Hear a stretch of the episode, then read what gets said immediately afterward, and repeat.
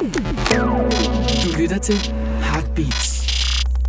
Det her er Rockhistorier med Claus Lynggaard og Henrik Kvejts.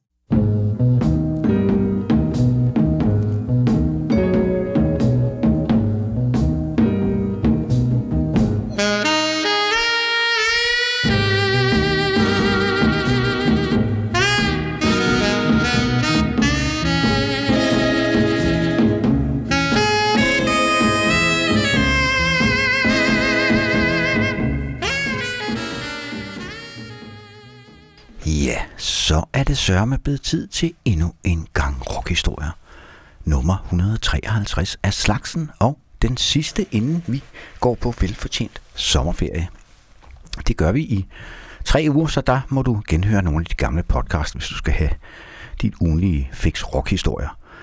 Til gengæld er vi fuldt på banen igen, når vi vender tilbage efter sommerferien, fordi udover at have vores sædvanlige ugenlige podcast, så tager vi jo også på en lille turné rundt i landet, hvor vi optræder live. Det gør vi den 18. august i Aalborg, og den 18. september i København, den 24. september i Odense og den 3. i 10. i Aarhus. De nærmere detaljer, hvordan du køber billetter osv., det kan du finde inde på Rockhistorias hjemmeside, og hvis du er en af dem, der støtter os, så kan du også finde det inde i vores lytteklub. Og øh, jeg vil da gerne også opfordre flere til at støtte os. Det gør du ved at gå ind på rockhistorie.dk, finde rockhistorie, og så er der en rød knap, du kan trykke på. Så bliver du lidt igennem, hvordan du gør det. Ja, og så bliver du medlem af vores lytteklub, som er sådan en eksklusiv øh, gruppe på Facebook, hvor der faktisk er pænt meget knald på med anbefalinger og Sjove billeder. sjov billeder og øh, mange kommentarer, kommentarer fra vores lyttere. Og det er faktisk et ret øh, livligt øh, site at være på. Og, Ja, man kan også få mulighed for at korrekse os, hvis vi helt undtagelsesvis skulle lave en fejl eller to. Og Ja. det er der også nogen, der godt kan lide. Ja. det er vi meget taknemmelige for. Det er så godt. Så ved vi det til en anden god gang. Og øh, vi øh, fejrer, kan man sige, vores snarlige sommerferie med at have inviteret en gæst i studiet. Ja. Den gode Lone Hørslev, som både er forfatter med både digte, noveller og romaner, er aktuel med en ny en her til august. Halvt i himlen, som mm-hmm. foregår i 20'ernes København, som jeg har forstået. Yes. Jeg har ikke haft fornøjelsen af at læse den endnu. Men du er jo også aktiv som musiker.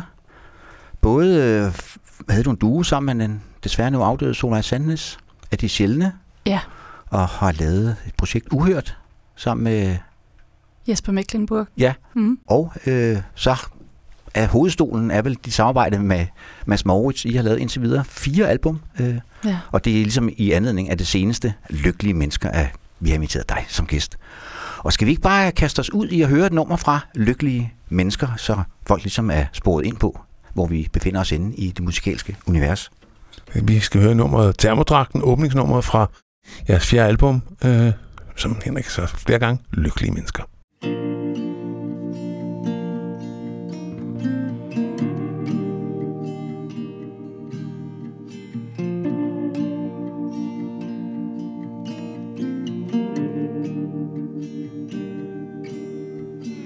Jeg har forsøgt at fylde min termodragt ud med mig selv. Og det er et godt job. Ja, det er mit job. Vejen er tomme, der er faldet en halv meter sne. Det er bare sådan, det er. Det er der ikke noget at gøre ved dig, du stadig rejst din vej. Himlen er blå, det er bare sådan det er Tænker du nogensinde på mig? Er himlen blå, der hvor du nu er? Jeg har forsøgt at holde balancen Og ikke være vred. Men jeg er sgu vred. Det bliver ved og ved. Jeg ved godt, du aldrig rigtig lovede mig noget Men jeg troede på det. At vi to var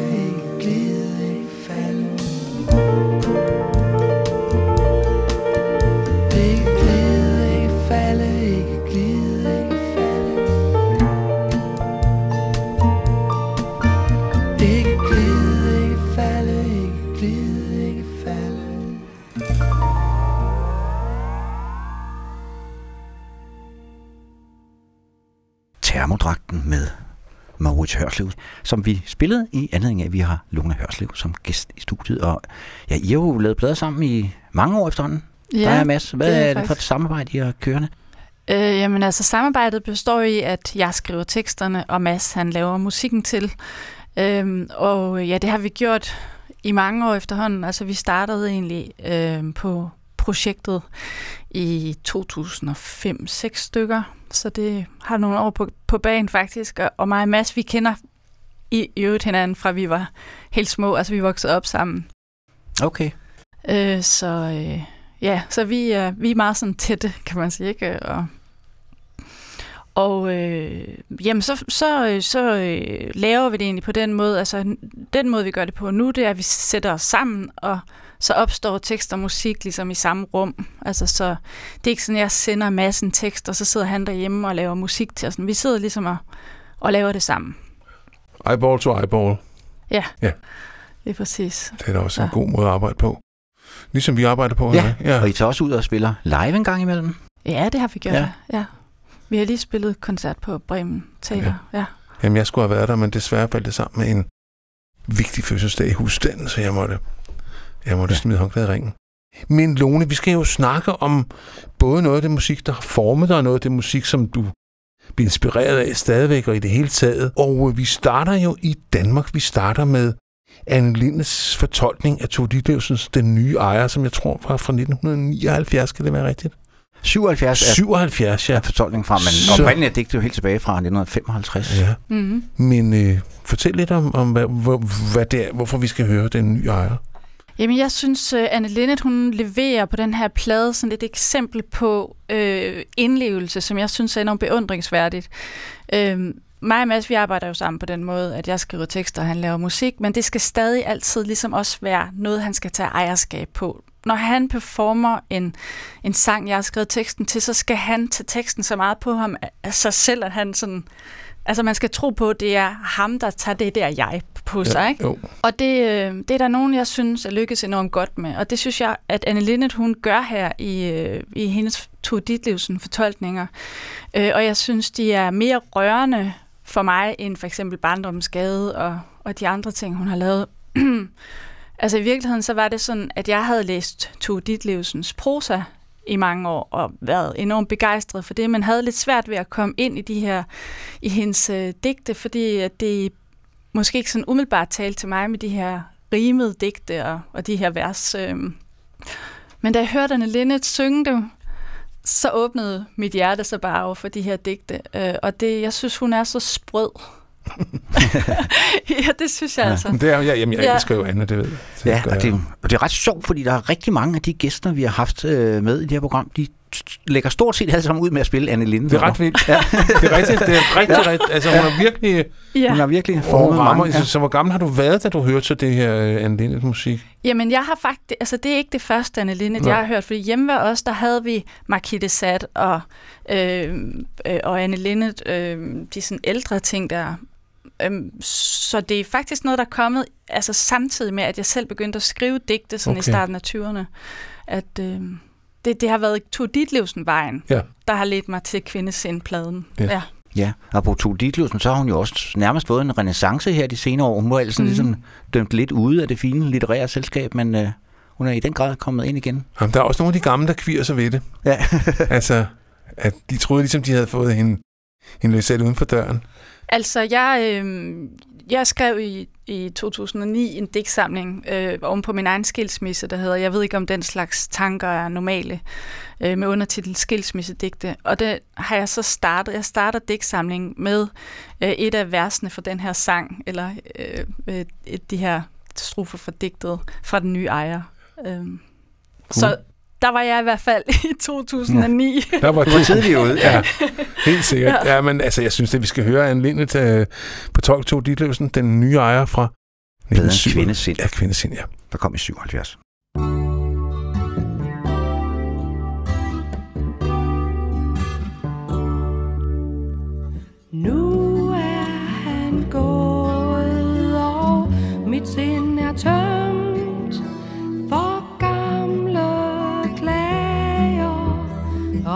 oss lite åt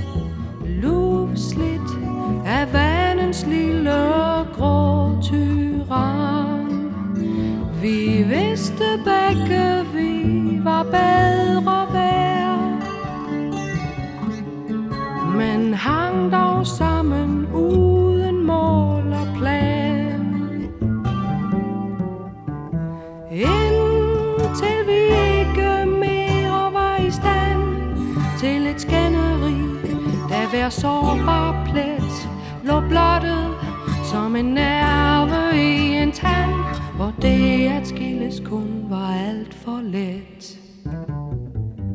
Nu er han gået og et nederlag Er fuldbragt og forsejlet og gemt ned.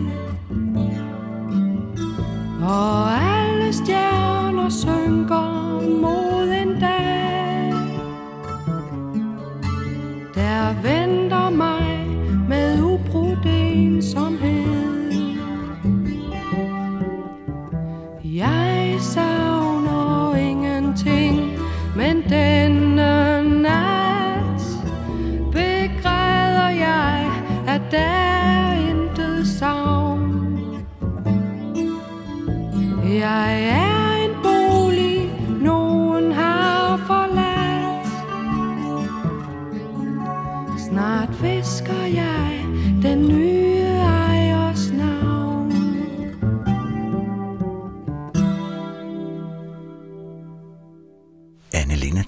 Fortolkede Tove Ditlevsens Den nye ejer og valgt af Lone Hørslev.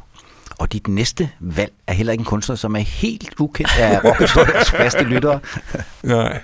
Eller nogen andre, der bare har beskæftiget sig med populær musik i de sidste 50 år. Vi skal til gode gamle Bob Dylan. Og en øh, sang, der hedder Ballad of a Thin Man fra ja, et af hovedværkerne vel i hans kunst Highway 61 Revisited. Hvad er det med dig og Bob, Lone? Jamen prøv at, det er jo også, altså hvad skal man gøre? Altså jeg får lov til at vælge de her sange, ikke? Altså jeg kunne jo, jamen man vil gerne have de bedste med, ikke? Selvfølgelig. Øhm, jamen altså, den her sang, det var igen også, øhm, den, den, for mig, der siger den noget om, hvad man kan med sangtekster. Altså, og hvor man kan komme ud, og øhm, da jeg hørte den her første gang, der blev jeg bare sådan dybt fascineret af det univers, han kan male op. Øh, og jeg, jeg, jeg har det både sådan, når jeg læser dig, altså især når jeg læser digte, men også med andre ting, at jeg synes, øh, noget der smitter af på mig, det er, hvis jeg, jeg har en fornemmelse, en, en oplevelse af, at den, der har skabt det her værk, har haft det sjovt med det. og når jeg hører det her nummer, så tænker jeg, at han har skulle haft det festligt med at ja. skrive det her. Ikke? Og det, det er sådan et øh, univers, der på en gang er syret og klaustrofobisk og sært og fordrejet, øh, og samtidig så skaber det masser af billeder i mit hoved. Så det, det går, altså for mig der er det der, når en tekst er gådefuld, men uden at jeg bliver kastet bort, men nærmere sådan får lyst til bare at høre den igen og igen og igen for ja, Jamen, det er en sang, der kan tåle rigtig mange gennemspændinger. Det er nemlig ja. Ja. rigtigt, fordi man... Ja, altså, hvem er den her Mr. Jones? Det er også diskuteret og stolpe op og stolpe I ned. den grad er Og der er mange, der mener, at det er en eller anden dum journalist, han bare gav fingeren. Mm. Øh, det er ikke til at vide. Det er jo egentlig også lige meget. ja. Vi har jo alle sammen sådan Mr. Jones, you don't know what's happening. Do Ja. you know Mr. Jones? Det kender vi jo godt. borgerdyret, eller hvad Ja, fanden det kan det også godt være, men ja.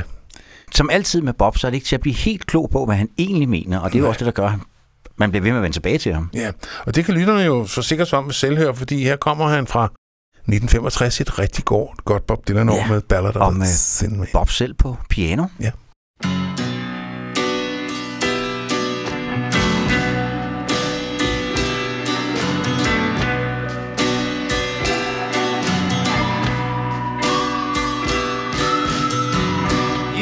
Into the room with your pencil in your hand. You see somebody naked and you you say, "Who is that man?" You try so hard, but you don't understand just what you will say when you get home. Because something is happening here, but you don't know what it is. Do you, Mr. Jones?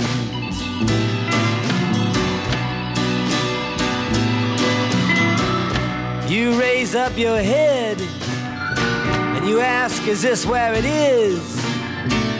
Then somebody points to you and says, It's his. And you say, What's mine? And somebody else says, Well, what is? And you say, Oh my God, am I here all alone?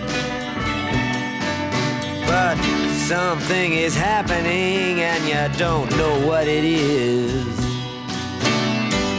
Do you, Mr. Jones?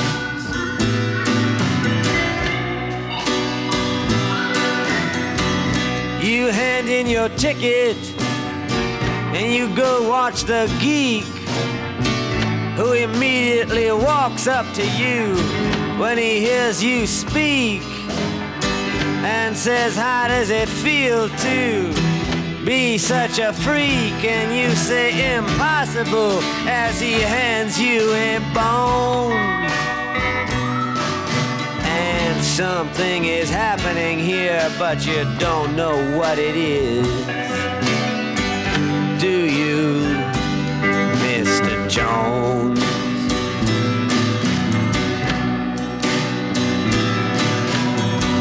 You have many contacts among the lumberjacks to get you facts when someone attacks your imagination. But nobody has any respect. Anyway, they already expect you to all give a check to tax deductible charity organizations. Ah, you've been with the professors and they've all liked your looks.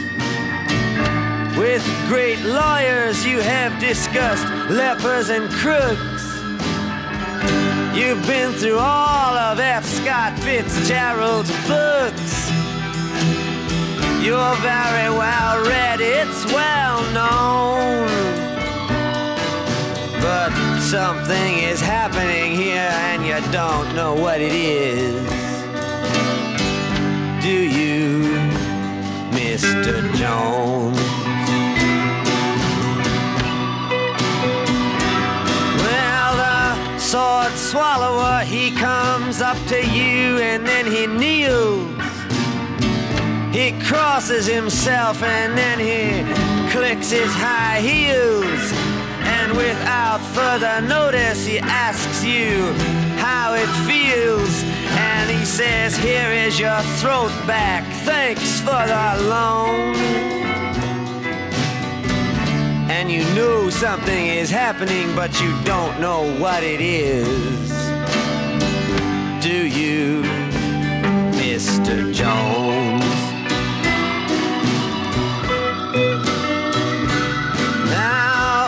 You see this one eyed midget shouting the word now. And you say, For what reason? And he says, How?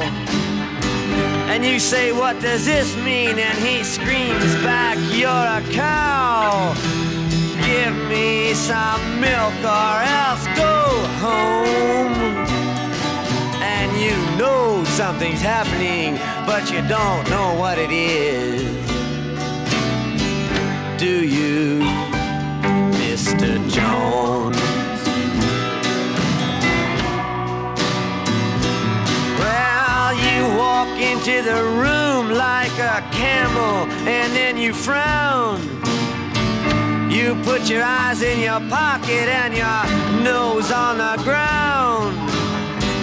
There ought to be a law against you coming around. You should be made to wear earphones. Cause something is happening and you don't know what it is. Do you, Mr. Jones?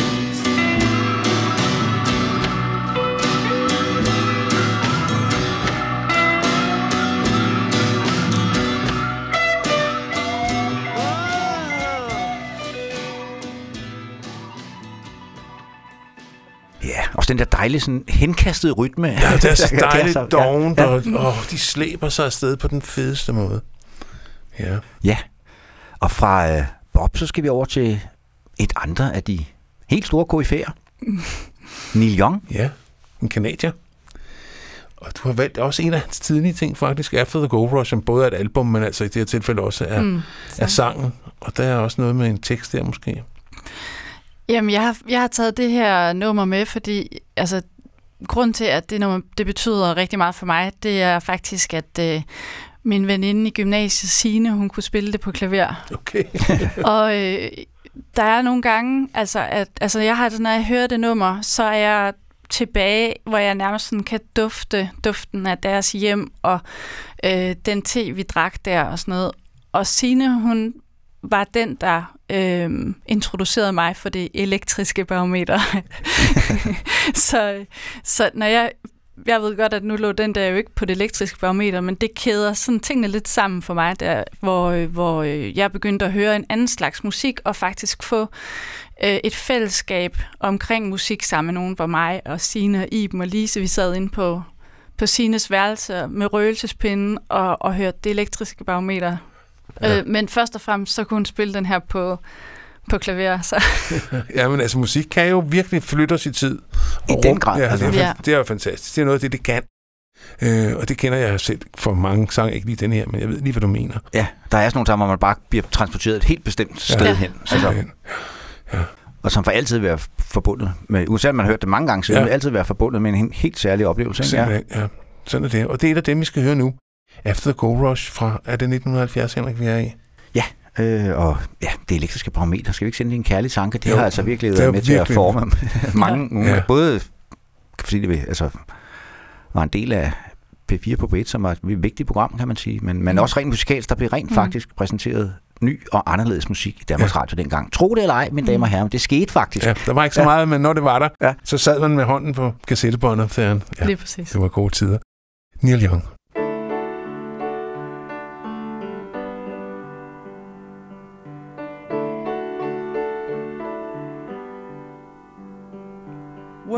Dreamed I saw the knights in armor come saying something about a queen.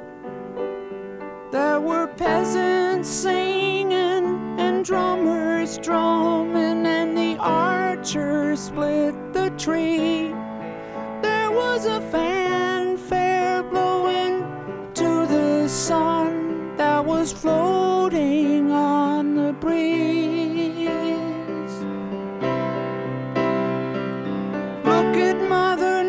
Nature on the run in the 1970s. Look at Mother Nature on the run in the 1970s. I was lying in a burned out basement with the full moon in my eyes. I was hoping for a replacement when the sun burst through the sky.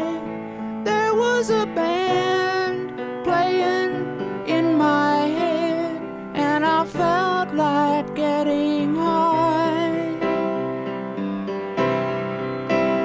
I was thinking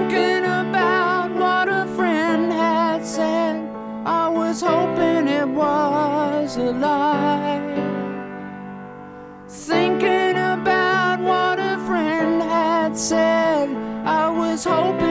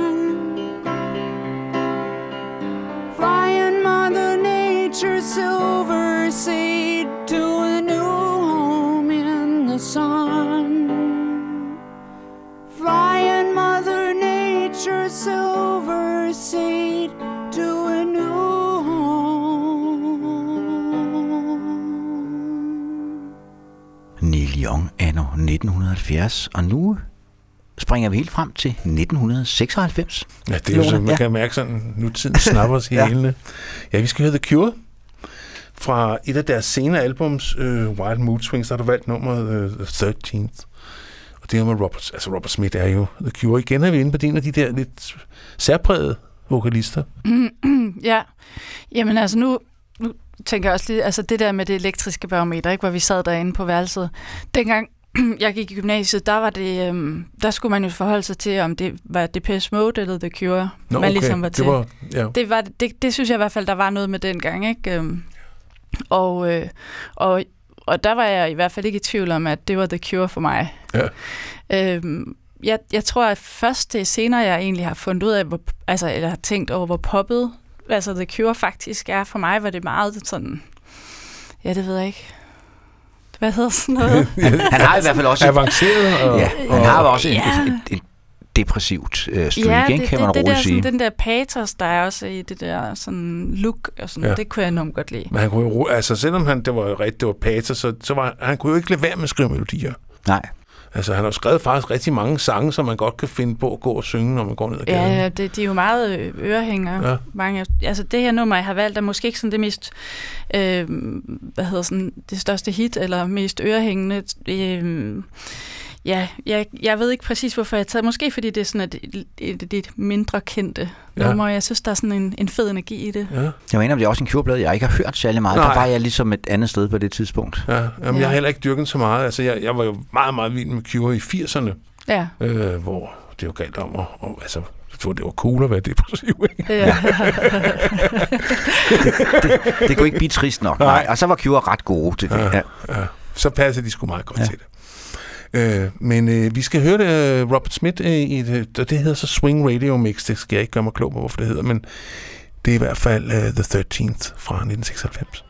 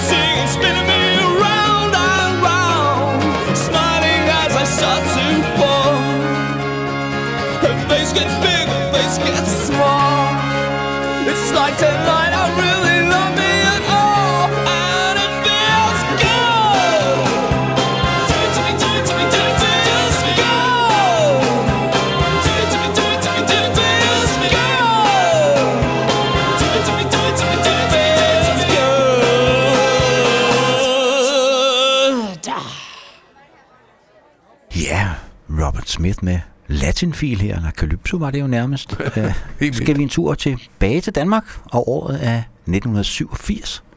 Og det er Lars Hug, som han hed dengang. Lars H.U.G., som han hedder nu om dagen. Øh, vi skal høre fra gennembrudsalbummet. Kysser himlen farvel. Skal jeg sange Desertøren? Ja, Ja. God titel på en sang, synes jeg. ja. God plade. Ja.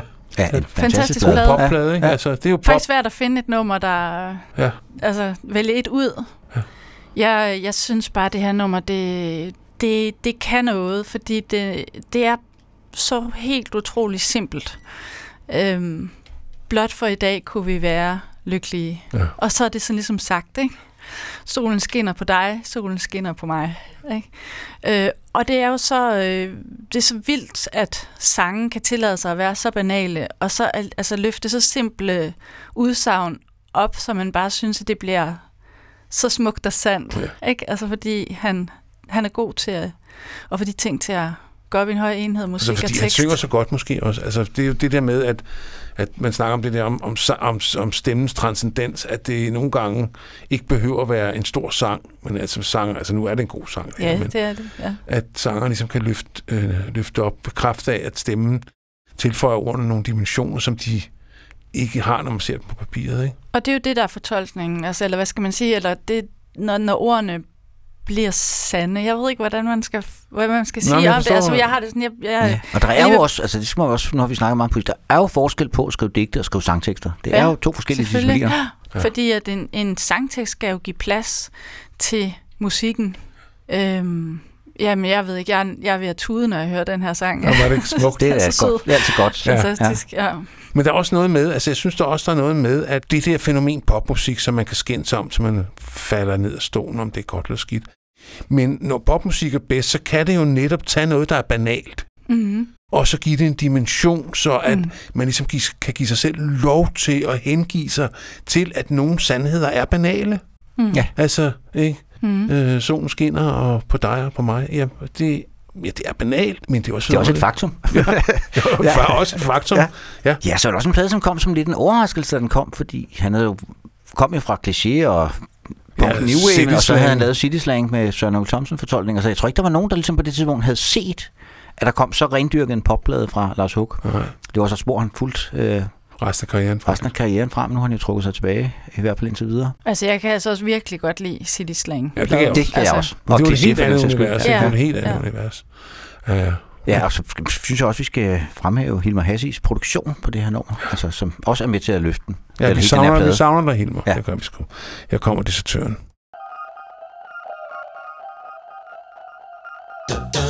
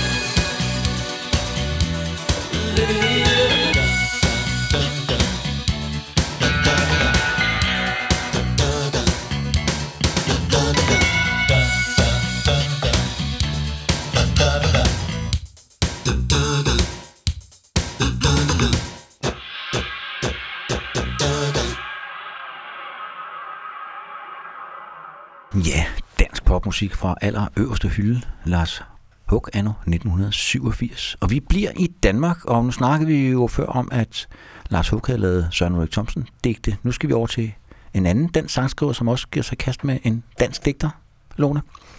Ja, jamen jeg synes jo ikke, jeg kunne komme udenom øh, Nikolaj Nørlund. Øh, jeg synes også, han har skrevet rigtig gode tekster selv, øh, sidenhen på dansk.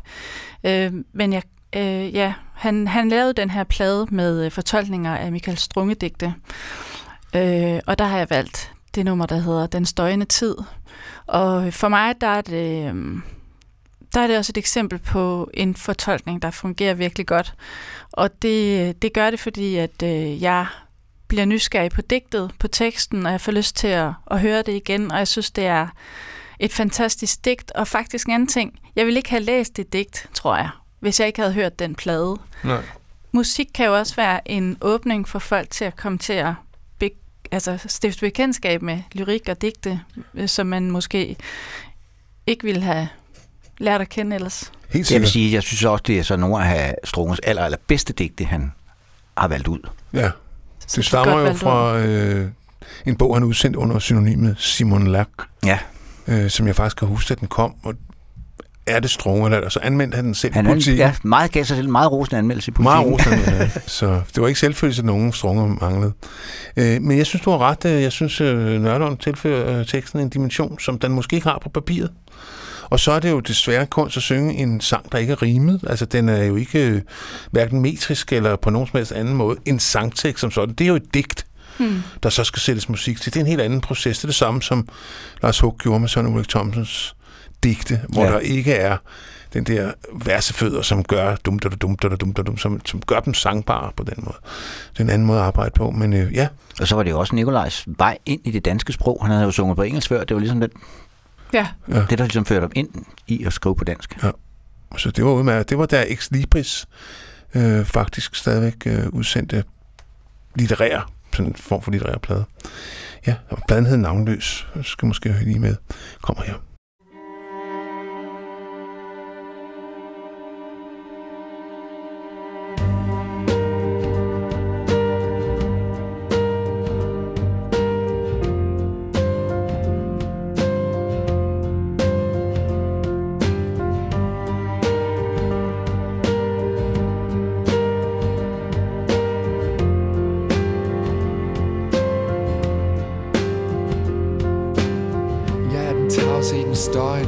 Der tusind ord Ord for min tavshed. Jeg ser ud over byen med tomme øjne Eller læser tilfældigt i aviser. Og glemmer igen. Jeg snakker kun med dem, der ikke kender mig og siger,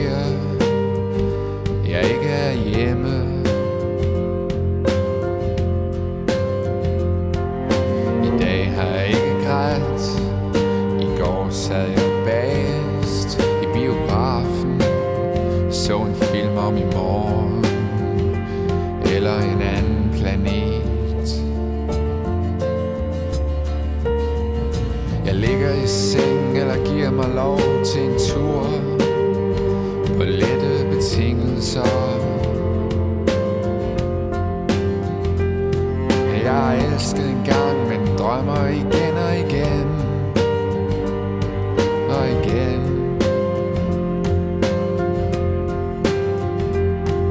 Jeg vil aldrig slå mig selv ihjel Men i morgen vil jeg vågne efter søvn.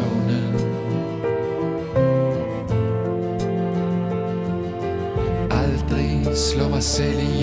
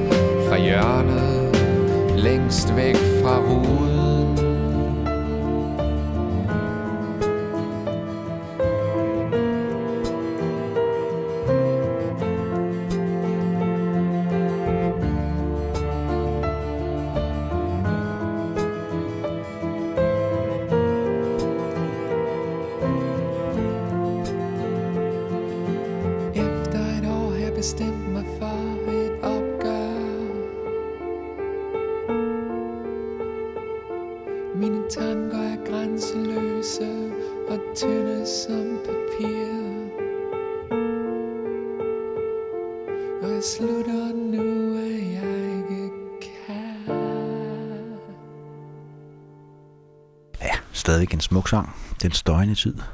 Og Nikolaj Nørlands fortolkning af Michael Strunge. Nu skal vi over til en kvinde, Lone. Ja, endelig. Ja. jeg sad også og tænkte på det. Der er lang tid siden, vi har haft Anne Linde der. Ja. Øhm, PJ Harvey, hun er en af mine helt store idoler. Ja, det kan jeg også skrive under på, ja. Og, øh, og hun er også en historiefortæller. Øh, og hun kan, hun kan tæ- fortælle mange forskellige slags historier. Det synes jeg, ja, det, det er fedt. Og så, ja, ja hun laver bare fed musik. Altså, Ja, det, ja. jeg elsker det. Og så har hun det, det vi snakker om før. Altså, hun har den der måde at sætte sin personlighed igennem, når hun synger. Altså, man kan virkelig mærke, der er, et, er power bag hendes... Øh... Jamen altså, man vil bare være hende. Man vil have det jakkesæt, den guitar, så Ja. man vil bare være hende. Ikke? Jo, jo. Ja. Jeg så hende engang varme op på YouTube på Gentofte Stadion. Det kunne ikke have været dårligere betingelser, du ved, den der lille trio, der stod på Mm. den der Mm. Kæmpe scene, og altså hun tør røv med YouTube, det skal der så, skal vi så blive enige om. Men, men nevertheless, det Ja. gjorde hun, så de kom med alt deres skærme og bombardement og sådan noget, der havde det peaked, altså. Det havde hun klaret, altså. Det var... Ja, hun har fantastisk karisma på en scene. Og det har hun selvfølgelig. Jeg har interviewet hende en gang, og det er en af de få gange, jeg virkelig har været starstruck. Altså, hvor jeg virkelig sådan, skulle tage mig sammen, for ikke at begynde at sidde og savle. Og, altså, Ja, ja, det var nok meget godt, Ja. du ikke gjorde det. Ja. Men du har valgt et nummer fra en af hendes øh, ja, mellemperiodeplader, Stories from the City, Stories from the Sea. Et nummer, der hedder Good Fortune. Hvad er det, den sang kan? Ja, det, ja, hvad kan den... Jeg, jeg synes, der, der er mange gode sange på den plade også, synes Ja. jeg. Øhm, hun har lavet så meget berømt duet med øh, Tom York, øh, men ellers, altså, jeg, så, som jeg så ikke ville tage med, men jeg ved ikke, hvorfor det lige skulle være den, jeg, fordi jeg, jeg, jeg kan godt lide den måde, den ligesom kører på. Ja. Kan du ikke sige lidt mere om det? Har du mere forstand på? Jeg synes, vi skal høre den, og så kan vi Ja. tænke på noget klogt at Der sige, er- mens er musikken spiller. det er jo en af energi. også en af hendes mere poppede plader. Ja, det må man sige. Uh, hun starter jo noget. med rimelig sådan øh, antagonistisk med Dry, ja. så man lige skal, der skulle man lige synke en gang. Ikke? Uh, men her er hun blevet lidt mere produktionsorienteret, kan man vist godt sige. ja, rundt i kanterne. Og så ja. går hun jo ud i, hun går ud i hjørnerne igen efter den her plade. Ja, det skal ja. jeg love for. Men uh, lad os høre Good Fortune.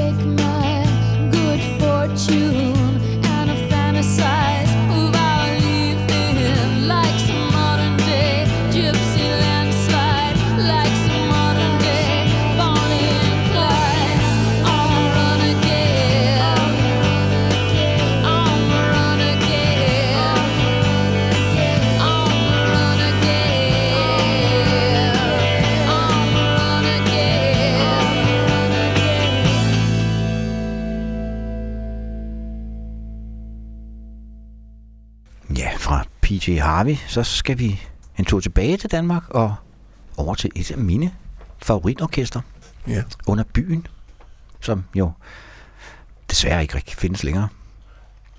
Og du har valgt et nummer fra øh, den øh, skive, der hedder Siamesisk, øh, som jeg tror, det er et nummer, der findes flere versioner af øh, Mm.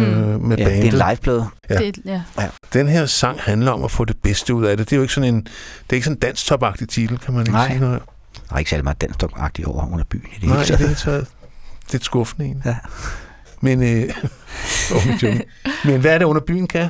Øhm, ja, jeg synes også, de er, de er, sådan, de er virkelig en ener øh, i, i dansk musik. Jeg synes, Henriette Sindvald, hun kan jo det der med, at hun kan skrive gode tekster. Ja. Altså faktisk så, øh, så opdagede jeg det hjemme. Jeg har jo sådan en lille bog, hvor der er flere under byen teksterne i, trygt i sådan en lille håndbog, som ja. de lavede på et tidspunkt. Så samtidig med, at, at teksterne er gode, så er det også sådan et orkester, som, øh, som virkelig laver noget spændende musik, og laver et spændende musikunivers til de her tekster. Og samtidig, når man hører øh, sangene, så kan man jo nærmest ikke engang høre teksterne. Altså så bliver sangen jo også et instrument blandt de andre ins- instrumenter. Ja, selvom Og- man er dansker, er det tit svært at forstå, hvad de egentlig synger. Det var måske også grunden til, Ja, at de så trist. faktisk brød igennem i udlandet, altså i sin undergrunds, altså fordi Ja, det var fordi- egentlig lidt lige meget, man kunne forstå, hvad de sang. Ja. Ja, ja fordi jeg, jeg ved ikke rigtigt, om, om det er sådan noget med, at en god tekst vil altid øh, brage igennem alligevel, selvom man så ikke engang forstår ordene. Altså, så, så, øh, så, gør, så gør det noget, at man har tænkt et par tanker omkring, hvad, hvad der er i sådan en sangtekst.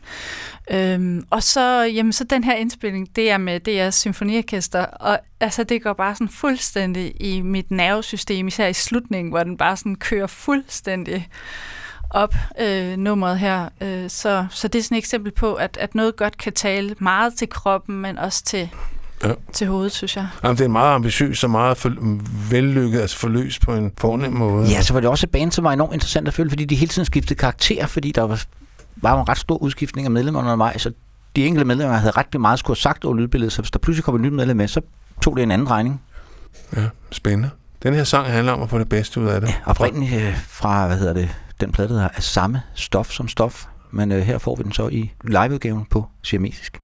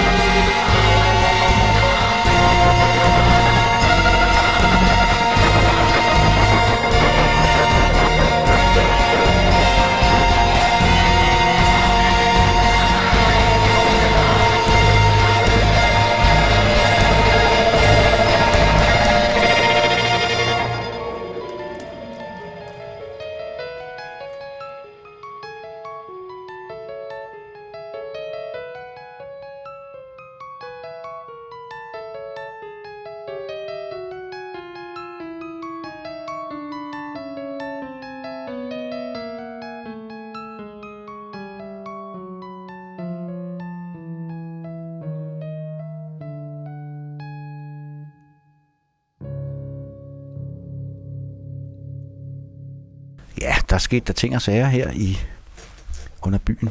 Det er, ikke, det er ikke musik for tøsdrenge. Det er det sgu ikke. Det er virkelig øh, ambitiøst, øh, storladent og, og voldsomt, voldsom musik. Og så, som du sagde, en sang om incest, det skal man også lige tage med. Mm. At det er altså ikke en hyggespreder på det niveau heller. Men, Det tror jeg aldrig var deres projekt. Nej. At sprede hygge. Nej, heldigvis ikke. Nej, det er det heller ikke. For den næste øh, skal høre Will Olam, som har optrådt i rigtig mange konstellationer og under mange forskellige navne. Vi skal høre et nummer fra den første plade, han laver med som under aliaset Bonnie Prince Billy, som jo nok er det navn, de fleste kender ham under. Mm. Og øh, ja, hvorfor skal vi det, Lone? Jamen det igen, altså, jeg, altså da jeg hø- hørte I See a Darkness, der var jeg også sådan, altså det gik også fuldstændig sådan i hjertet på mig. Jeg ved godt, det er en forfærdelig kliché at bruge, men jeg synes, øh, det talte bare til mig. Jeg synes, det er utrolig smukt og trist, og øh, det, det rammer ind i noget sådan, ja, noget, der er meget stort og meget småt samtidig. Jeg ved Ja, ikke, hvad ja. man skal sige. Jamen, han er, han er også en, der rammer folk. Ved, hans, hvor, hvor var det, han spillede? Var det, var det Rust, eller hvad? Hvor han kan jo alle sine sange. Ja. Men folk skulle bare råbe en Nå. titel, og han har altså skrevet Det troede jeg ikke, han gad sådan noget. rigtig mange sange. Så folk skulle bare bede om et nummer, så spillede han det. Det var som jeg tænkte, kan han alle de, det kunne han gå alle de sange der. Nå, jeg troede, jeg kunne slet ikke forestille mig, at han var sådan en pleaser, der ville gøre sådan noget Nå, der. det tror jeg bare, han... Nå. Det var Det var, det var den dag, havde han det lige Den sådan. dag, det Ja. tror jeg også, ja. Ja, okay. Tænkte, kan jeg huske alle mine sange? Lad os teste, du ved. Ja. Jeg hørte ham ude på Christiania i den, den grå hal, Ja. hvor han spillede flest sange fra The Letting Go, men det er også et fantastisk album. Øhm, men altså, I See Darkness-pladen her, det var bare...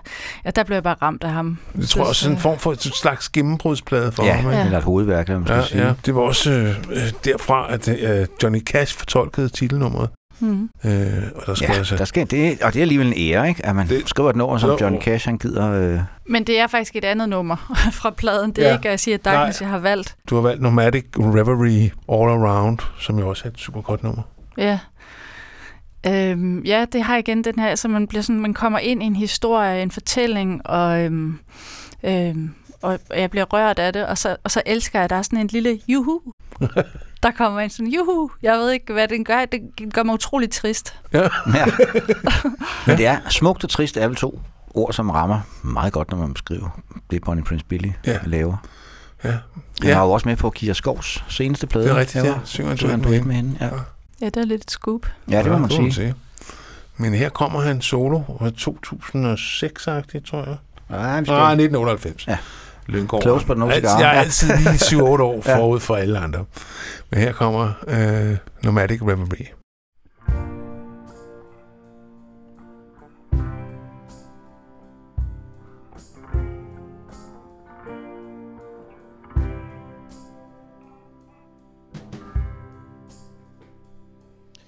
Today was one where lost in thought. I really feel I am losing not an ounce of what you see in me, my lamb. If you're not with me tomorrow, that would be the worst. I'm glad I dreamed of what I dream of today. A thing was burst. Oh,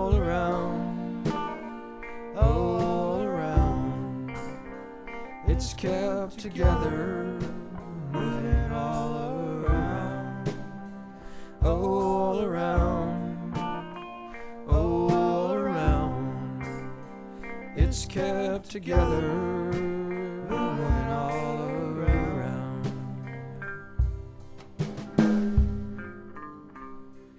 My brain it beams, it's hear it all, and living I must work to make our lives here justified and not let trouble lurk.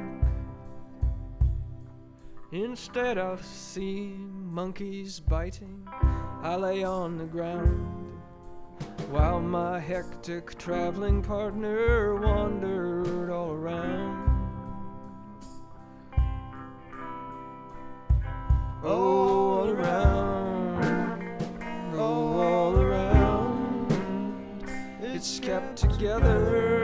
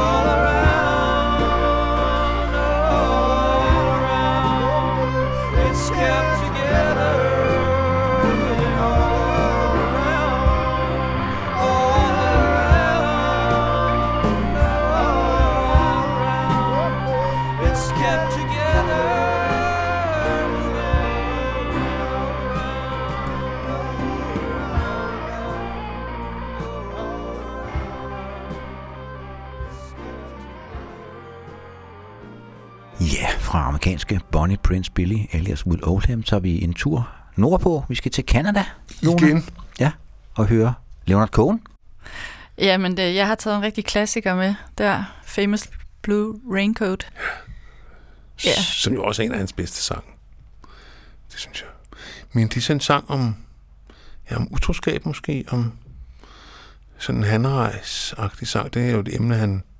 Han er vender tilbage til gang på gang ja. på gang, ja. At, Altså, han, han, han, han gør jo det, som jeg synes er rigtig... Øhm, altså, det, det, der er anderledes, og det, der er spændende ved den her sang, det er, at han har lavet det som et brev. Så man ligesom har brevets indforståethed. Øh, han skriver øh, til en eller anden, øh, og, og, og så så bliver det en lille smule gådefuldt for os, hvad det egentlig er, der foregår. Men vi fornemmer, at der måske er noget trekantsdrama, Ja. der kører her. Noget med en regnjakke, og noget med, noget med close. Øh, did you go, clear? Og sådan, Ja. ja. hvad, hvad det går, egentlig går ud på, ved man ikke rigtigt. Det ved de involverede jo Ja. alt om, så det skal han jo ikke forklare. Og så har det det her, øh, hvor man siger, han leger med det autobiografiske ved at underskrive sangen eller nummeret Ja, Sincerely ja. Cohen, Cohen. Ja. Og det, øh, ja, det synes jeg bare er et, et interessant greb at bruge øh, som altså en sang. Ja.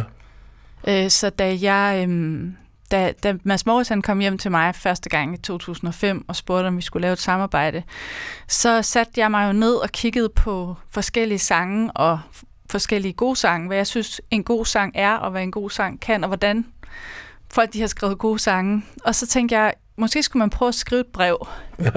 og det blev så til øh, en, altså, jeg, jeg prøvede så, og ja, det er slet ikke for at sammenligne vores sang med den her, men det er dog inspireret af den her måde at skrive på os, som, øh, hvor vi så skrev en sang, der hedder Tak for dit brev på vores første plade. ja.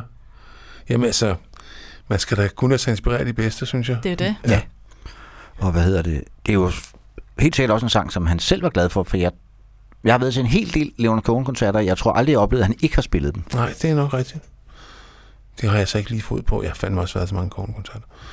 Men det er i hvert fald også, også en sang, som rigtig mange har ind, altså, lavet mange, rigtig mange korversioner af. Både mænd og kvinder, faktisk. Mm. Ret interessant, øh, øh, at øh, så den der sidste linje der, ikke? Ja. Sincerely hvad? Hvem? Er, er, det, er de Ja. så El Cohen, ikke? Jamen altså, Jenny Warren, som hun skal lave den mest kendte coverversion af den, øh, hans gamle korsangerinde, hun synger jo også stadigvæk Sincerely Al Cohen. Ja, men altså, når han jo heller ikke synger Leonard, men Al, så kan alle jo stå for Linda, eller for Louis, eller... altså, du ved, Ja, ikke? ja. ja, ja. Godt nok. Den kommer her.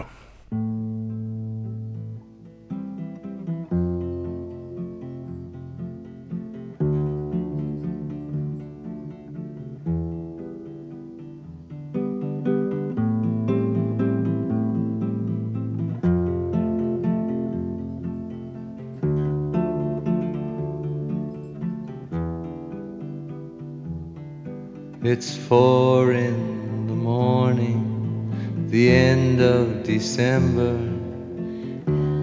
I'm writing you now just to see if you're better.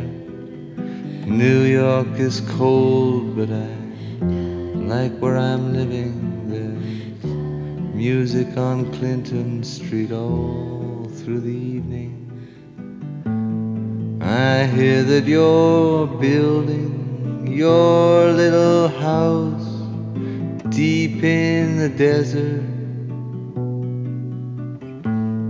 You're living for nothing now. I hope you're keeping some kind of record. Yes, and Jane came by with a lock of your hair. She said that you gave it to her that night that you planned to go clear.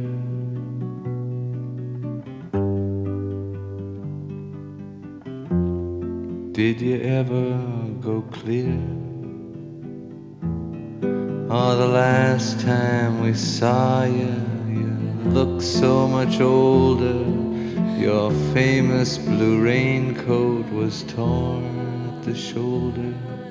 You'd been to the station to meet every train then. You came home without Lily Marlene, and you treated my woman, to a flake of your life. When she came back, she was nobody's wife. Well, I see you there with a rose in your teeth. One more thin gypsy thief. Well, I see Jane's away.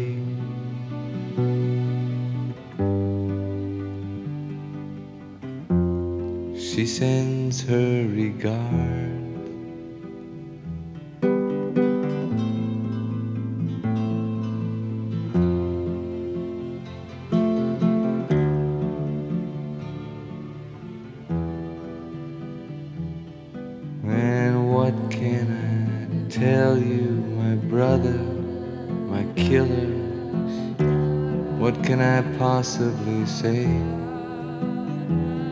I guess that I miss you. I guess I forgive you. I'm glad you stood in my way.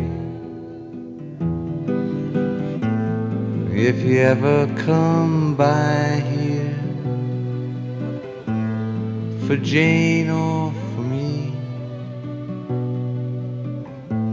well, your enemy is sleeping, woman is free. Yes, and thanks for the trouble you took from her eyes. I thought it was there for good, so I never tried.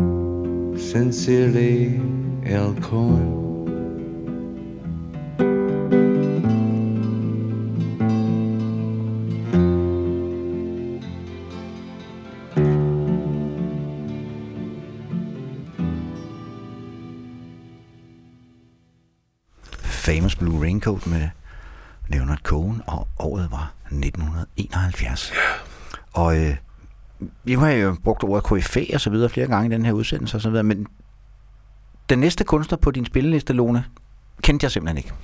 Nej. jeg tror heller ikke, hun er så kendt. Nej. Der Så du må lige præsentere hende.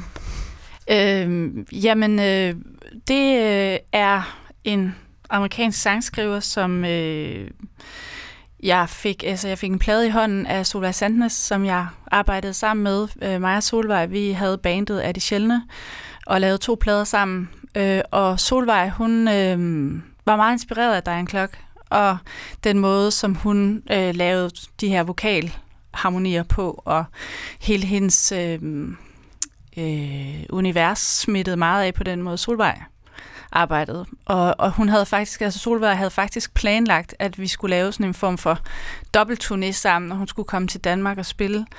Øh, men så, ja, så døde Solvej jo desværre, så det blev aldrig til noget. Nej. Så det er en slags hyldest til hende, øh, kan man godt sige. If you, nummeret hedder If You See Sunlight fra albumet Mona Kana. Ja. Men jeg har så tjekket hende lidt ud efter Ja. sådan der. Jeg synes også, hun er meget, meget spændende, så jeg kan kun anbefale vores ja. lyttere, og hvis de heller ikke kender hende, og klikke lidt rundt.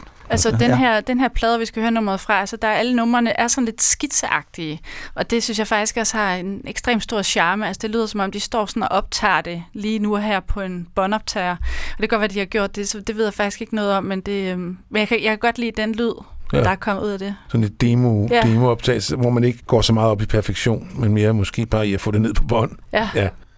Jamen lad os da høre uh, Diana Klock uh, fra hvad år siger vi? 2006 er det fra. Ja. ja. Kommer her.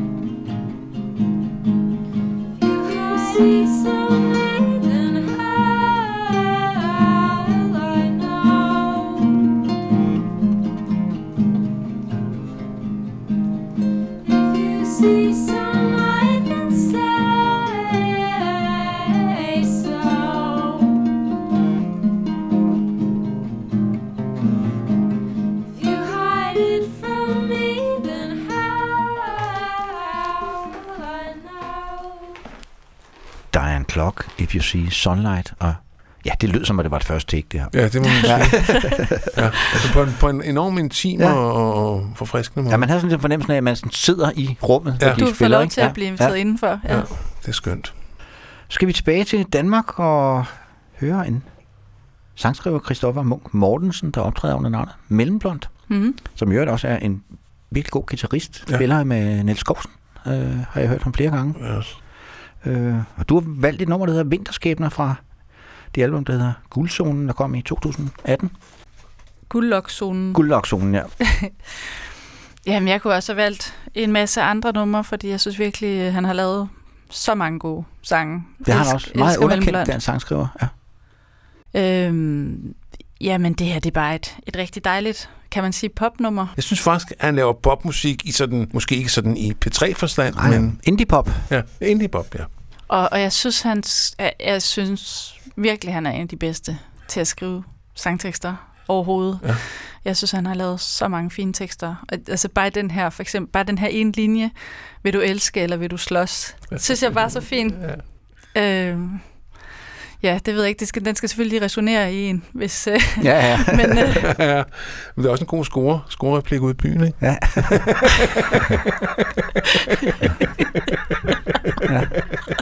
jeg prøver du med den. Ja, ja. ja. Og, hvad hedder det? Ja, han er ovengivet en ny single ud på gaden i dag, som Ja. ja. ingen af os vist har fået hørt endnu. Nej. Men øh, det vil vi Det gøre, er- fordi han plejer at være værd at følge. Det synes jeg. Og han jeg har aldrig rigtig noget så bredt ud, som jeg synes, sangene øh, berettiger til. Men det er måske også noget med, at han ikke er så skide god til at sælge dem, forstået på den måde. Hvis man har set koncert med Mellemblond, så er han meget indadvendt på scenen. Lad os bare ja, sige det så. Ja, han, ja. Og det er sangene. Musikken er jo ikke særlig Nej, indadvendt nej. overhovedet. Men altså, der er altid et stort skisme mellem kunstneren og kunsten. Også i dette tilfælde. Men øh, lad os høre Vinterskæbner fra 2018.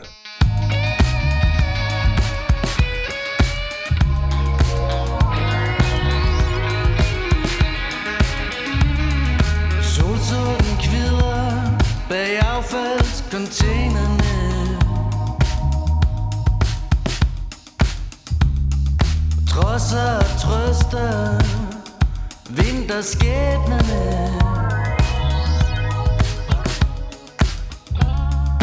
Dugfrisk spindelvæv uden æderkop Solen er for doven til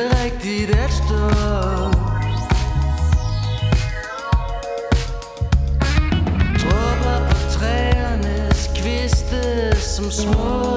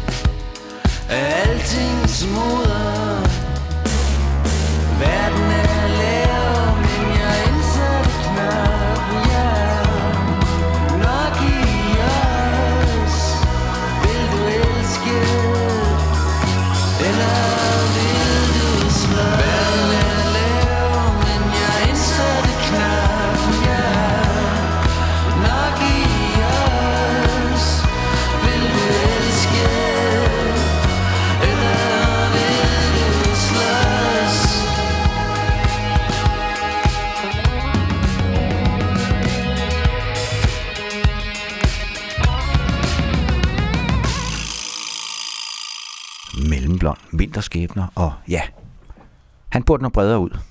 Det burde han. Og nu har vi i hvert fald øh, slået en lille slag kvæg Lones playliste for, hvor god han er. Ja, den anden, vi skal høre, næste vi skal høre, er også rigtig god. Det er et nummer, som er et meget stort jævnligt hit hjemme på min matrikel. Det kan man jo så lægge i, hvad man vil. Ja.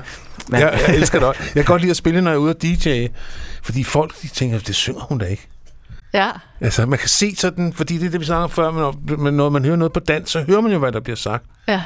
Og det er jo sådan ret optempo nummer, og folk tænker, "Åh, så, hvad synger hun? Synger hun det? ja, det er Elisabeth Søntius, vi skal høre med nummeret. Jeg glæder mig til at slå dig ihjel, Ja. Lone. Jamen, jeg er, jeg er utrolig glad for at høre, at det også er en favorit hos jer. Ja. Øhm, altså, jeg, øh, jeg tror, jeg hørte Lise Vicentius første gang, da hun var med i det band, der hedder Luxus. Ja. Eller Luxus. Ja, det var også det, jeg stødte på en Hvor hun gang. jo faktisk også skrev på fransk. Ja, det er rigtigt. Det var sådan lidt en blanding af alt muligt. Men jeg synes også, det er, det er rigtig fedt, når hun laver de her ting på dansk. Øhm, og, og jeg synes, det her det er nemlig en fuldstændig vild tekst. Man tænker, hvad er det det? er det det, hun, hun, øh, hun synger? Ja.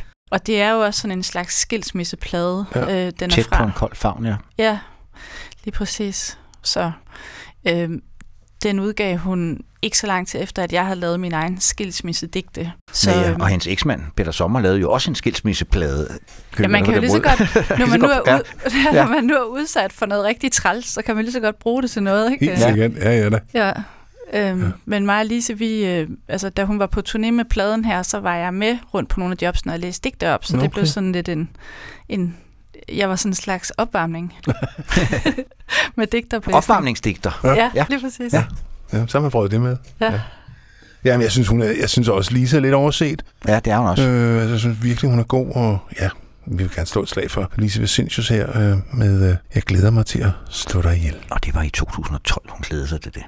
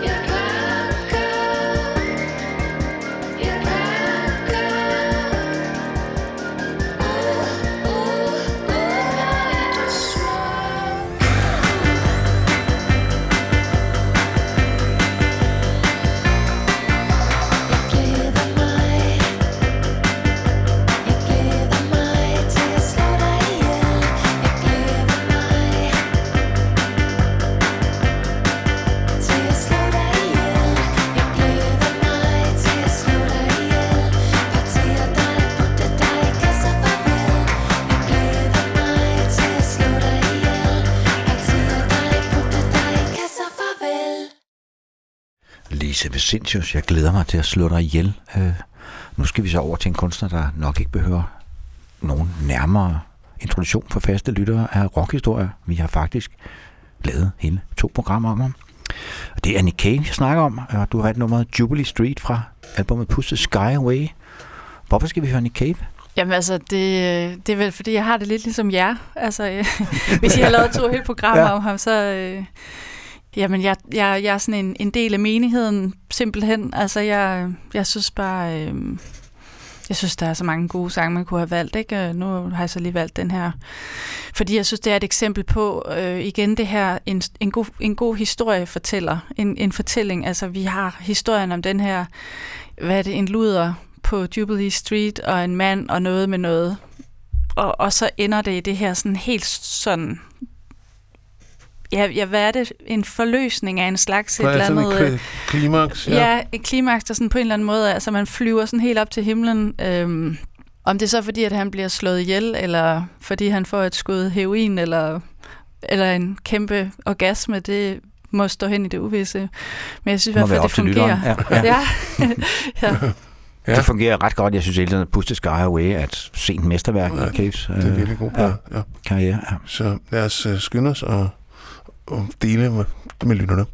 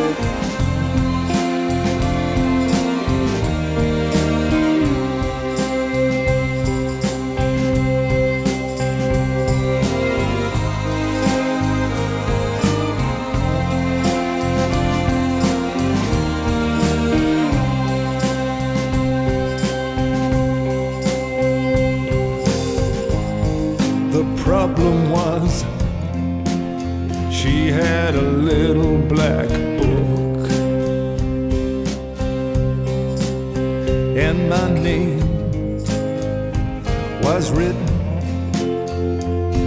on every page. Well, a girl's gotta make ends meet, even down on Jubilee Street. I was out of place and time and over the hill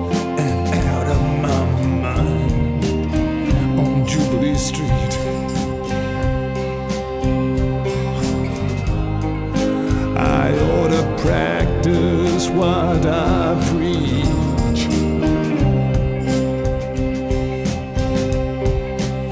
These days I go downtown in my tails.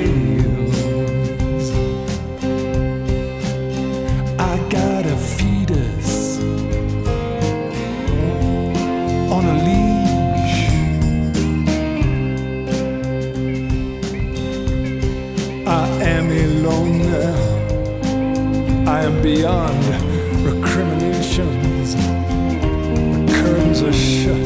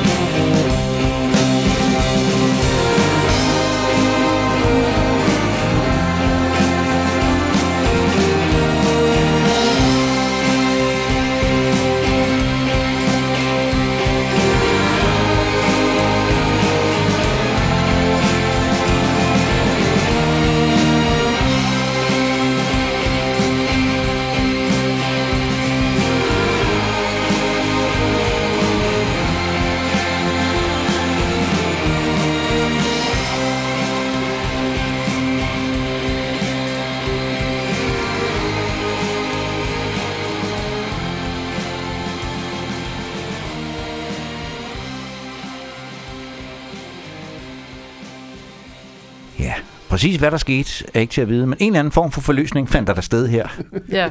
i slutningen af Jubilee Street.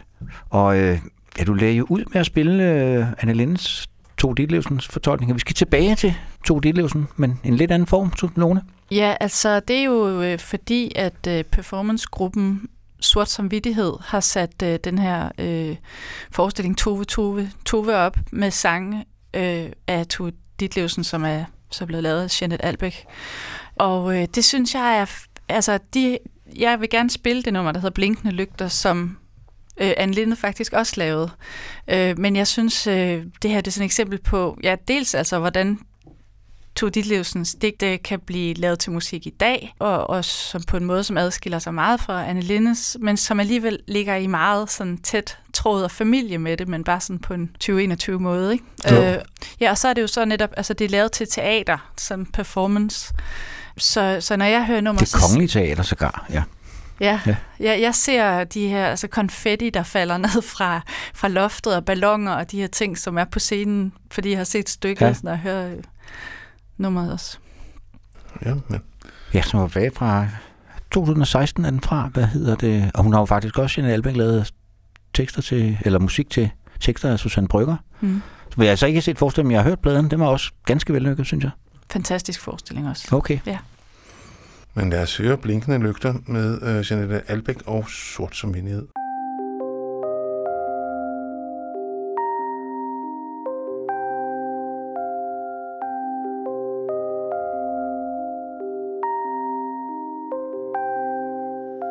I barndommens lange og dunkle nat Der brænder små blinkende lygter som spor af erindringen efterladt. Mens hjertet fryser og flygter. Her lyser din vilde kærlighed. Fortabt gennem toget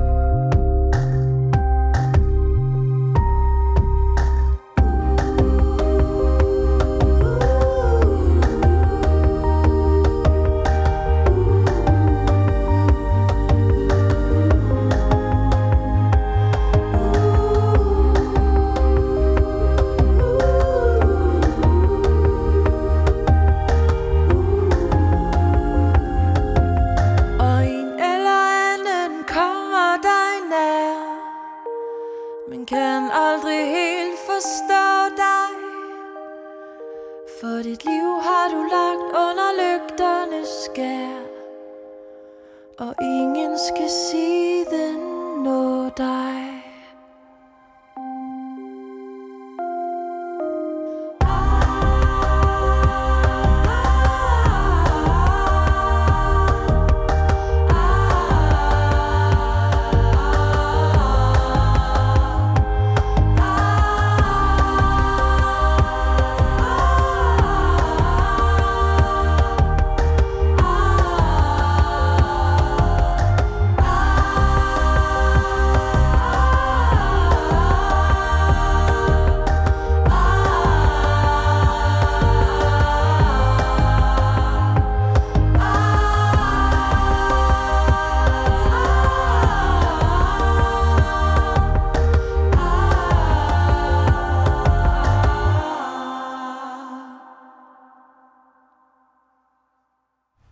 beskæftiger dig med både musik og litteratur, øh, eller arbejder i begge verdener, så er det jo ikke så mærkeligt, at der er en hel del øh, overlap i det her program med, med digtere og musikere. Det er der også i det næste nummer. Det er jo Peter Laugesen, der har skrevet teksten, og det er Tejtur, der synger. Ja. Ja, og det er, jo, og det er jo faktisk også for et af Nikolaj Nørlunds projekter, ikke? Andersens Drømme, i forbindelse med et eller andet jubilæum. Det var det famøse Andersen-år der hos Andersen-året, Ja, ja, ja. hvor Tina Turner løb med hele opmærksomheden. Ja, ja. ja, så den her plade kom til at drukne lidt desværre i alt muligt andet. Øh, ja, øh, som måske ikke... Altså, jeg tror folk, de nåede at blive trætte hos Andersen i løbet af de første to-tre måneder af det år. Ja. Men den Og fik så heller ikke for lidt. Nej, det, nej, den fik måske lige lidt for meget, Ja. ja. ja. Og, så, og så var der nogle meget glimrende projekter, der, der gik lidt under radaren, og det her, det synes jeg desværre lidt blev et af dem. Andersens Drømme hed det, Ja, som var sådan en plade, hvor forskellige både digtere og musikere blev inviteret til at skrive nogle nye sange, bygget på hos Andersens Drømme. Ikke? jo, altså øh, drømme taget fra hans dagbøger. Ja. ja. Så var en rigtig god plade, men jeg synes, altså, det nummer, du har valgt, Lone, du har god smag, for jeg synes faktisk, det er måske nok det allerbedste nummer på den plade. Ja, men det, er- det synes jeg også, det er helt sikkert. Men fantastisk tekst af Peter Laugren. Så er det jo ret sjovt at høre Tejtur synge på dansk. Det er jo ikke noget, han normalt gør det i. Nej, er jo gør han overhovedet det? Nej, jeg tror ikke. Nej. Jeg tror, det er den eneste gang, han har gjort det. Eller Det er meget, gang, jeg, har synes, jeg, jeg, jeg, jeg er meget vild med den måde, han synger på på Ja. dansk, faktisk. Jo, for man kan godt høre, at han er jo fra Færøerne, kan vi fortælle publikum, Mm. det ved det, at han kommer til sproget udefra på en eller anden måde, men det giver det en, en anden dimension. Men Bjørk sang også engang sang på dansk. Anton flyver til en eller anden film, der hedder Anton. Ja. Øh, og hun har, jo- hun har altså et problem med dansk, fordi at vi er jo en gammel koloni, vi er den gamle kolonimagt. Og sådan noget. Men altså, det var også sådan sjovt at høre hende, fordi at det var Bjørk, og det var alligevel ikke Bjørk. Altså, øh, det der, når de kommer udefra, det famler sig ind i sproget mm. på en Mm. eller anden måde, selvom de jo meget til hendes øh, fortørnelse lærer at tale dansk i skolen. Dog. Ja. Det har jeg så ikke noget med at gøre, men det kan da være, at... Jeg, Jeg ved jeg faktisk ikke, om de gør på færøerne. Nej, det kan jeg faktisk ikke.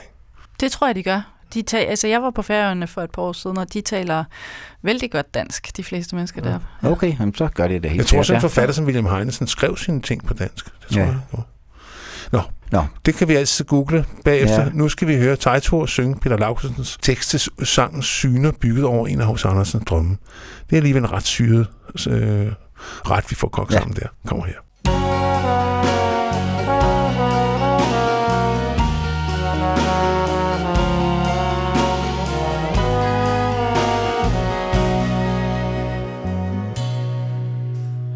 Vinden skramler med kviste og grene Natten er sort, jeg er helt alene. Hotellet er tomt, det er her jeg bor.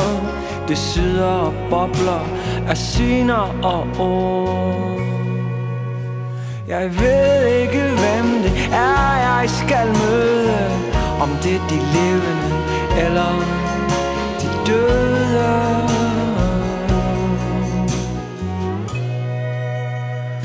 Ude i parken står de og kigger ind gennem vinduet. Her hvor jeg ligger Er de sluppet ud, eller kommer de ind? De skæve fantomer, der fylder mit sind. Jeg tænder et lys, drikker lidt vand Vejen er spærret. Til drømmeland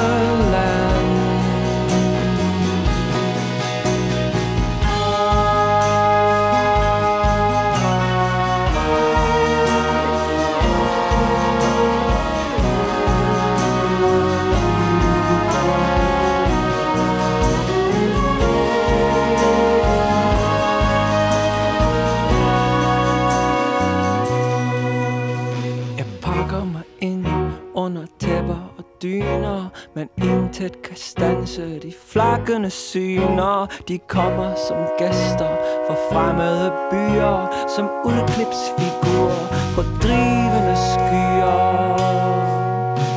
De fylder hotel med drømme og minder Om det der kommer og det der forsvinder.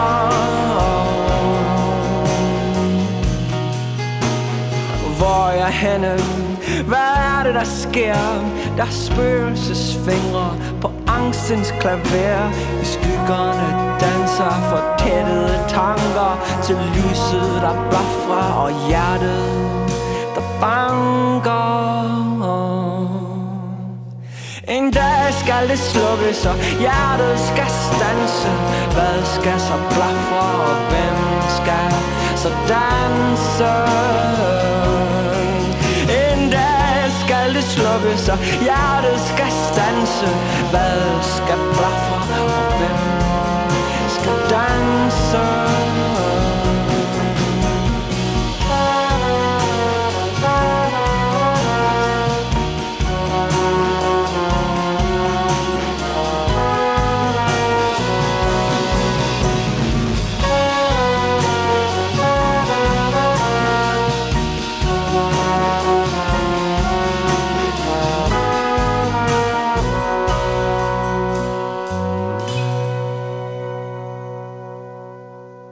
Tejtur med syner, og nu skal vi over til Signe Højrup Ville Jørgensen, som øh, optræder, eller optrådte under kunstnernavnet Jomi Massage. Jeg tror kun, hun kalder sig Jomi nu. Har jeg... Øh, ja, ja, i hvert fald, når hun, være. når hun skriver om det så Ja. selv på Facebook, Ja, hun så kalder også hun det kun Jomi. Hun har også lige udsendt en single. Ja. ja. Men vi skal tilbage til 2006, hvor hun lavede sådan et lidt kontroversielt øh, projekt, øh, Skandinaviske Klagesange, hvor hun havde fået syet, hvad hedder sådan en der? En burka af, af Dannebro. ja. øh, og der er så to CD'er, en hvor hun spiller med DR's Big Band, og så hendes egne udgaver af de samme sange, sådan demo, mere demoagtigt. Og du har valgt et nummer derfra, øh, Lone. Du og jeg findes øh, i Big Band-versionen. Altså, det er... Jeg har taget det med, fordi jeg synes, det er så smukt. Øh, og jeg kan heller ikke lade være med at høre en hilsen til Inger Christensen i alfabet med det her Du og jeg findes, tror jeg også Sine har tænkt på. Ja. Øh, jeg hørte hende spille øh, for mange år siden, da jeg lige var blevet skilt. Den første nytårsaften, jeg var til, efter jeg var blevet skilt, og var sådan både det her med, at jeg glædede mig til at skulle til den her fest, og samtidig var det lidt mærkeligt og trist, og for at sige det mildt. øhm, og så sad Signe der og spillede det her nummer. Øh, inden gæsterne kom, så sad hun og spillede nummer, og jeg synes, det var så smukt, og jeg tænkte sådan, det er, det kan godt være, der er noget, der er slut her i mit liv, men jeg tror, det skal nok gå. Det, der kommer sgu nok noget. Der, der er i hvert fald fed musik til i verden, og det kan også godt være, der kommer en du og jeg på et eller andet tidspunkt Altså, igen. hvad er det, hvor var det Dirk Passer og Ove Sprogøe i sang? Der kommer altid en sporvogn og en pige til. Måske knap så poetisk. ideen er det samme. Men ideen er det samme. Det var fordi, Ja. de var sporvognschauffører, så Ja, det ja. gav jo mening i Ja, ja. konteksten. en rigtig dårlig film, men en super god sang. Men nu skal vi høre Yumi Massage, som måske kun hedder Yumi nu om stunder. Men du og jeg findes. Henrik, trykker du på den magiske knap derovre? Det gør jeg nu. Vær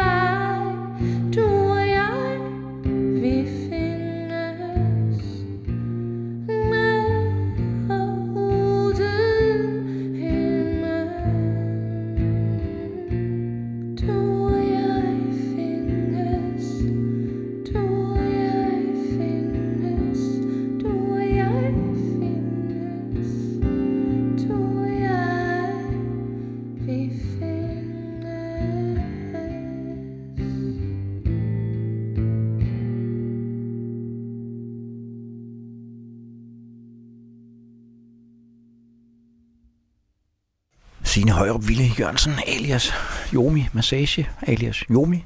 Øh, og det var et, ja, det var et dejligt nummer. Det var faktisk din afsluttende sang, Lone. Det har været en fornøjelse at have dig som gæst. Ja. Jeg er meget, meget glad og beæret over at få lov til at være her. Ja, det har så været så hyggeligt. Og vi slutter jo af med, vi synes jo ligesom også, at lytterne skal lige skulle have en bid af dig. Og på den nye plade fra Moritz Hørslev-projektet, der er jo også et par recitationer, hvis jeg må tillade mig at kalde det, på oplæsninger, eller hvad man skal kalde det, hvor du lægger stemmen til, og der er et af dem, jeg, jeg er faldet meget for, må jeg sige, det det, der hedder, når jeg ligger på jorden i stenalderen, øh, som jeg synes er en rigtig fin måde at gå ud af det her program på, fordi at Let's face it, vi har fixeret meget på teksterne i det her program. Mm. Det har handlet meget om, hvad ord kan i musikalsk sammenhæng, og det er jo også en forfriskende vinkel. Tekster kan noget, og titler kan noget. Jeg kunne huske første gang, jeg stødte på dig, det var den der digtsamling, Fjerne galakser og kedelige. Så tænkte jeg, hende kan jeg godt lide. Inden jeg havde læst mere. Ja, ja, det er rigtigt. Ja. Titler er vigtige. Ja. Det er det, helt sikkert. Så vi slutter med, øh, med øh, Lone selv, der læser sin tekst om, når, hun, når jeg ligger på jorden i stenalderen fra albumet Lykkelige Mennesker.